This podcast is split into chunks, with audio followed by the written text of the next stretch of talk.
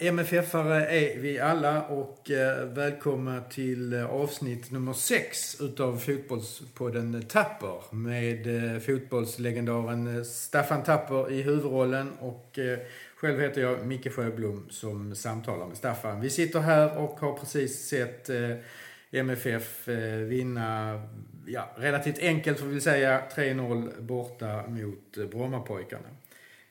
Vad, vad, vad tar vi med oss ifrån en, en, en sån här vardagsmatch, eller vad vi ska kalla det, Staffan? Ja, det är lätt man hanterar det som eh, en, en dag på jobbet. Och, och, det kan man väl specificera det, eller säga att det varit. Eh, jag tycker ändå det är väldigt starkt att efter en sån urladdning som man har i Europaligan med, med eh, Mittjylland, där vi vinner med 2-0, så ska man ändå tre dagar senare ladda upp batterierna man ska åka till en liten idrottsplats på Grimsta i Stockholm. Man ska möta ett lag som ligger i botten.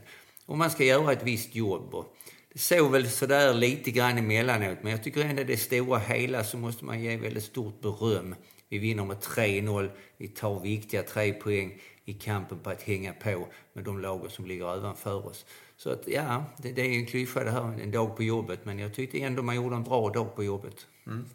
Eh, ja, ja, som du säger, det, det, det startar lite tungt första tio minuter, kvarten. Men sen så kommer vi ändå igång i, andra halv, i, i första halvlek och, och, eh, och får ju 1-0 ifrån Rik. Så att, eh, det såg ju bra ut där.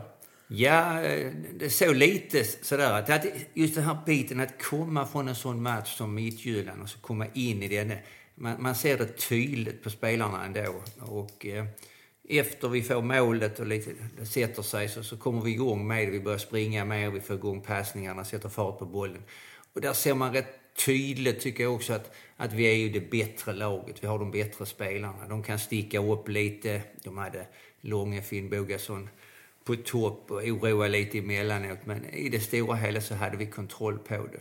Sen gör vi målen. Vi går väl ner oss lite grann ändå, va? men här är det också viktigt att på något vis ta med sig att vi vinner med 3-0 och inte fördjupa oss allt för mycket i, i prestationerna tycker jag. Utan efter Euroleague-matchen, sen fyller vi på med en bortamatch, tre poäng, 3-0.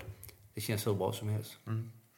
Eh, om man tittar lite grann på, på uppställningen så eh, var det ju lite rotation i, i, igen i, i laget. Eh, Bachirou eh, började, spelade länge och var väl lysande får man väl säga som vanligt.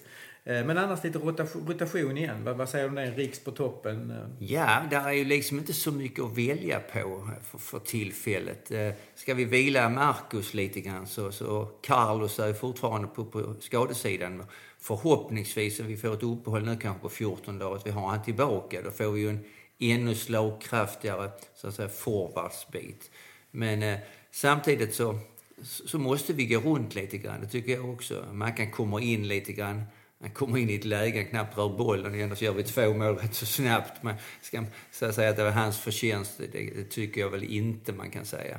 Sen är det lite grann Trausta som får skifta plats nästan tre gånger under en match. Det kan jag vara lite kritisk till att man så att säga ska en börja på ett ställe och flytta och sen flytta igen. Och det, det tycker jag inte är riktigt bra. Men det kan ju också vara så att man blir tvingad till det, tycker jag.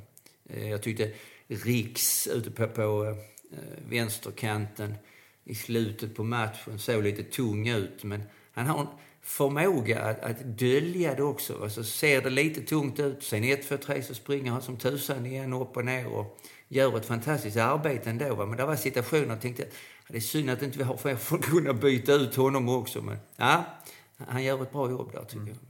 Ja, vi gör ju tre mål, tre, tre eh, får säga snygga mål och bra spel. Alltså första Binaku spelar upp till, till Traustason som slår in en till Riks som lite finta passning men slår ett ja, relativt enkelt skott egentligen. Men, men, men i hörnan på, på målvakten. Ja, han går ju, ja, men det är det absolut. Han går mot ena hållet och får ju en förflyttning på målvakten och skjuter kanske inte alltför hårt skott, men väldigt, väldigt välplacerat. Eh, kan ju tycka målvakten skulle kunna läsa det bättre. Eh, Erik Larssons mål, han bryter in och lurar en och lurar två och sedan skruvar in den med, med vänsterfoten i bortre hörnet. Det är ju fantastiskt vackert mål precis när man sitter och följer det på TV som vi, så man kan liksom se bollbanan hela vägen. Och sen det sista målet här, det är ju ett mål för en forward som, eh, även om man får lite döv vinkel så bryter man in, går på mål, skjuter och gör ett avslut. Va? Och eh, också ett fint mål tycker jag. Ja. Sen har vi då det här du, vi har pratat om de senaste gångerna här, att ta med sig till nästa match. Och vi har ju missat straff här i slutet, sista minuterna. Betyder det någonting överhuvudtaget tror du? Inte i detta läget. Nej. Inte i detta läget alltså. Det, om man nu ska säga bra av någon anledning så är det bra att Marcus missar straffen och att vi leder med 3-0 för han kommer att slå nästa straff igen va? I, I, en annan situation där det kanske är mer att vi har så att säga avgörande moment. Va? Här var det lite, lite avslaget. Man kan också se i sista halvtimmen till och med Marcus och lite andra spelare att man går inte riktigt in 100% i duellerna. Och det är sånt som gör att man liksom då tappar lite fokus om man jämför hur man såg ut mot Midtjylland.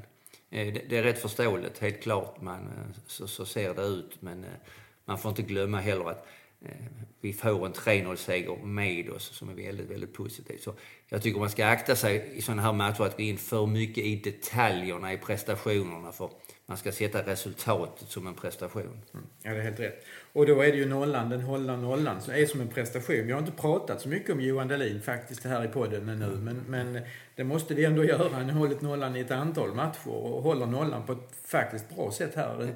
Som vanligt naturligtvis, men han har ett antal skott i alla fall i andra halvlek ja. som han gör riktigt, riktigt bra. Definitivt. Va? Lite, lite tur också. Finn Bogassons skott i ribban, det kanske är värt ett bättre öde och där var han totalt chanslös. Men men det är väldigt viktigt för oss för att målvakt är också ett, ett förtroende och ett självförtroende som skapas framöver. Att man, man litar och att man vet. Och Johan Dahlin själv, en fantastiskt fin kille tycker jag. Får han det självförtroendet så är han absolut en av våra bästa målvakter vi har i ligan här. Mm. Det, det, är bara färgen på hans dräkt som är lite sådär tycker ah, alltså, lila färg på en eh, fotbollsmålvakt. Det är synd att jag är färgblind. För det tycker jag inte är speciellt vackert ja, det kanske är bra på planen. Det kanske skrämmer motståndarna. Ja, ja, absolut.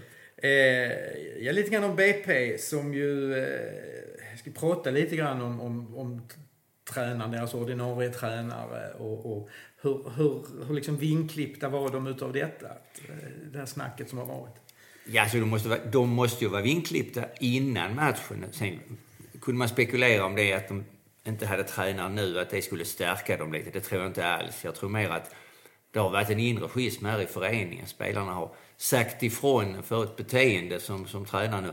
Har inte vi alla fakta på den här biten och det, det ska ju utredas. Men om det är de antydningarna som vi ser i tidningarna med det språket och det sättet som man har styrt och ställt föreningen så tycker jag det är en stor skandal.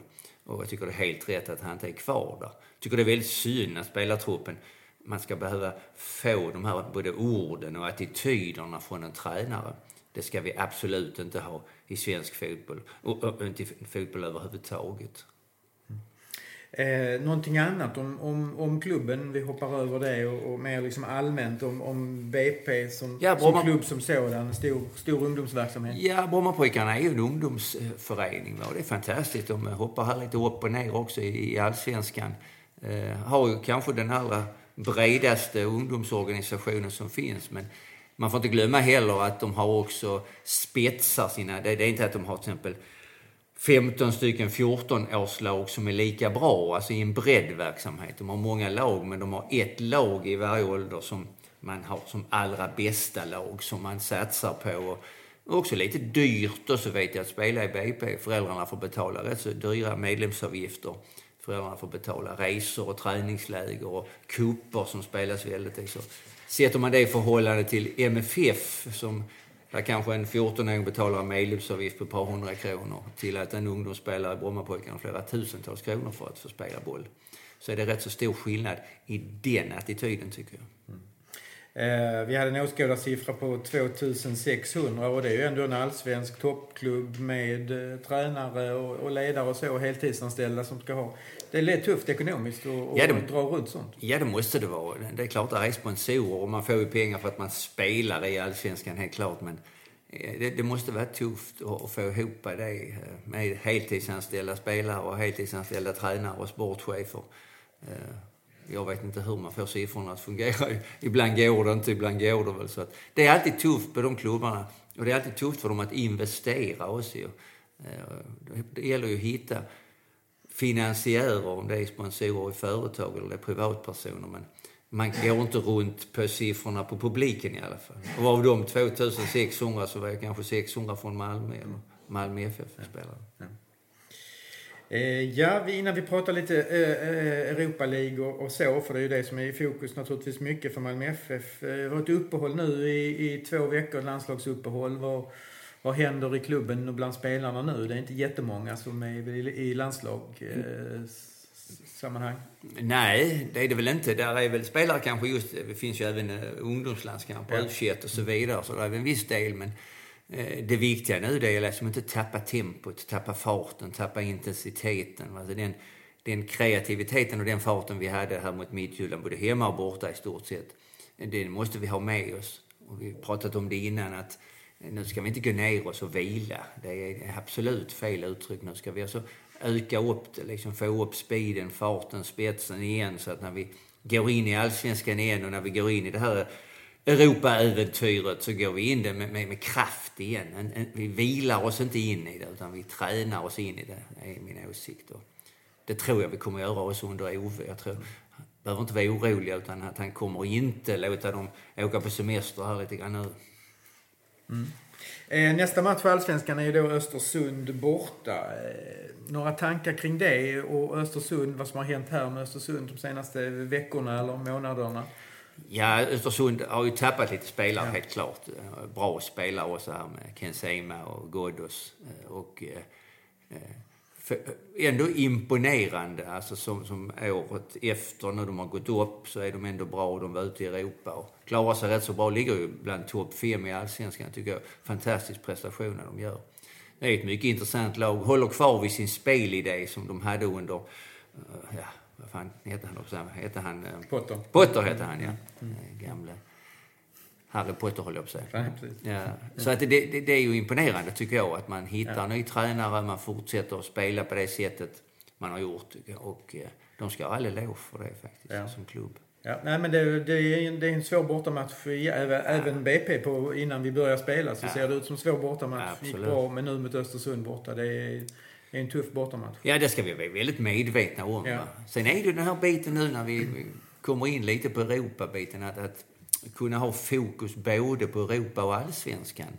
Eh, det är väldigt få lag som klarar av den styrkan. Det är de allra, allra bästa. Personligen tycker jag vår säsong, hoppas jag har rätt när jag säger 2015, när vi vinner mm. guld och vi dessutom går in i gruppspelet i Champions League, där vi kunde hålla fokus på båda två och klara av in i gruppspelet och ändå ta ligatiteln. Det var fantastiskt starkt tycker jag. Och det visar vi även här i år. Vi ser ju liksom, allsvenskan har inte gått så bra, men vi går bra i Europa. Jag kan titta på min själv, vår egen karriär, när vi gick bra i Europa, när vi gick ut i Europa här 78-79. Då vann vi inte allsvenskan. Så det är alltså fokus eh, på två ställen och balansera då eh, här både med rotationer och tempo och kraft och där är en eh, fantastisk svår nöt att knäcka. Mm. Så vill man ju båda. Mm. I det här fallet, mm. man vill ju nu hinna ikapp och ta en, minst en tredjeplats, kanske till och med utmana AIK, även om det blir svårt. Men samtidigt vill man då gå vidare i Europa. Mm. Och, eh, det, det, är en balansgång här som är mycket intressant att följa. Mm. Ja, det blir ju en balansgång. Vi ser när, när vi sitter här just nu och spelar in så, har, så är Hammarby-Djurgården inte fär, färdigspelad. Men eh, vad vi säger här så leder Djurgården just nu med 2-1 faktiskt. Och det är en kvart, en kvart kvar. Så det betyder ju att, att eh, vi plockar in ordentligt på Hammarby. Ja. Hammarby också. Så att eh, andra platsen börjar närma sig. Är det så man ska tänka eller hur ska man tänka? Alltså, jag tycker man ska tänka bland de tre bästa. Alltså vi är klara ut i Europa. Det är det närmsta målet tycker jag när det gäller allsvenskan. Sen om det innebär någonting annat framöver. För att det är många tuffa matcher som ska spelas och vi ska möta alla de här topplagen. Vi ska möta AIK, Hammarby, Norrköping, Östersund och Häcken borta. Så att vi har väldigt tuffa matcher. Vi har ett, ett relativt lätt program nu, det kan vi inte komma ifrån. Och vi har ju tagit våra tre poängar hela vägen. Så att, men nu ska vi in i de svårare matcherna samtidigt som ska vi in i Europaspelet. Mm. Så att eh, det är en balansgång än en gång. Ja, precis. På tal om Europaspelet, några ord om, om, eh, om eh, lottningen. Det, det blir ingen Chelsea, det blir ingen Arsenal, det blir ingen Milan, ingen Lazio, men eh, ja, Turkiet, Belgien och, och eh, Norge. Ja, Vad men säger det, om det? Ja, men det är väl nog så spännande, tycker jag. Det är, alla de här lagen har ju gått vidare, det får vi inte komma ifrån. Alla har gjort starka prestationer. Besiktigas är ju ett bra lag. Det såg man här om året. De gick vidare i Champions League, blev utslagen av Manchester United tror jag. Eh, Genk är ju, de leder belgiska ligan för tillfället, är en stark förening på ungdomssidan.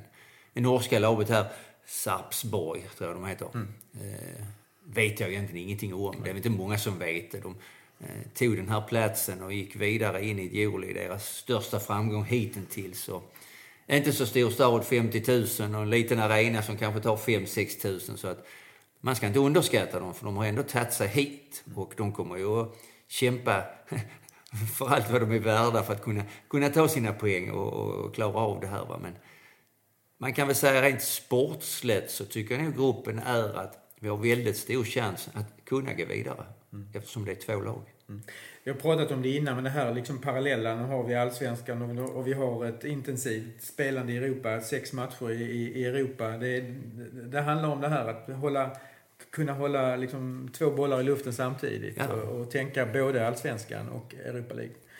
Det, det, det, är helt klart. Och det, det kan vara svårt och där måste man ha hjälp. Alltså, både lagledning, tränarna och sjukgymnasterna plus spelarna måste liksom vara väldigt lyhörda för vad gör vi nu? Gör vi rätt? Gör vi inte rätt? Gör om? Gör det rätt igen? Och vad är det vi ska träna? Hur mycket ska vi träna?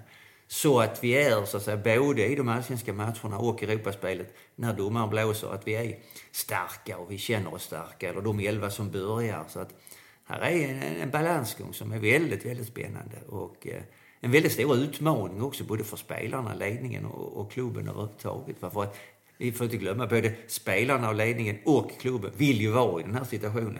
Det är den, det är den vi älskar och ska älska. Ja. Ja, det, det, det för oss osökt in på parallellen för 40 år sedan. Ett, ett 78-79 som naturligtvis ligger dig oerhört varmt om hjärtat. Då vi hade precis samma parallell och eh, då, då, vi, då vi, vi tog vägen mot eh, Europacup, Europacupfinalen. Ehm, ja, vad, vad, ser du för paralleller här?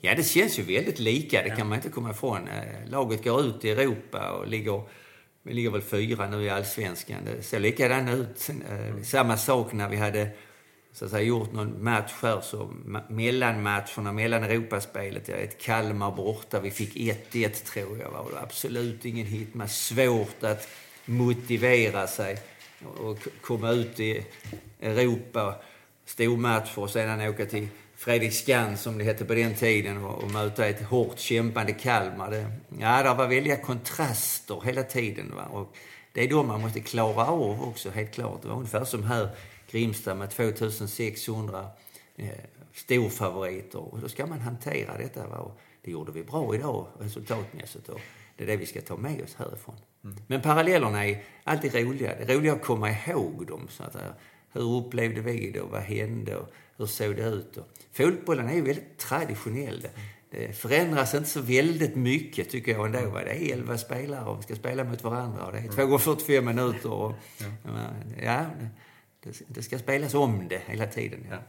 Vi har en 2 september idag så det är, inte, det är inte många dagar kvar till jubileet, 40-årsjubileet börjar. Det började den 13 september hemma mot, mot Monaco. Är det några sådana här cliffhanger som du kan ge, några minnen som du kan ge ifrån, ifrån, den, eh, ifrån den matchen? Ja, men det är alltså premiären eh, i Europaspelet den 13 september just med AS Monaco som de hette, eller som de heter. En litet land, spelade franska ligan, blev franska mästare, hade precis gått upp i franska ligan så det var en väldigt stor sensation att de vann ligan. Eh, det här lilla furstendomet med på den tiden prins Reiner och även dottern Stephanie som kom på besök var ju stora händelser. Uh, inte minst för oss lite, lite äldre spelare. Han hade ju gift sig med gamla skådespelare, inte gamla på den tiden, men Grace Kelly, vilket var ju en uh, fantastisk skådespelerska som Alfred Hitchcock använde många gånger i sina underbara filmer.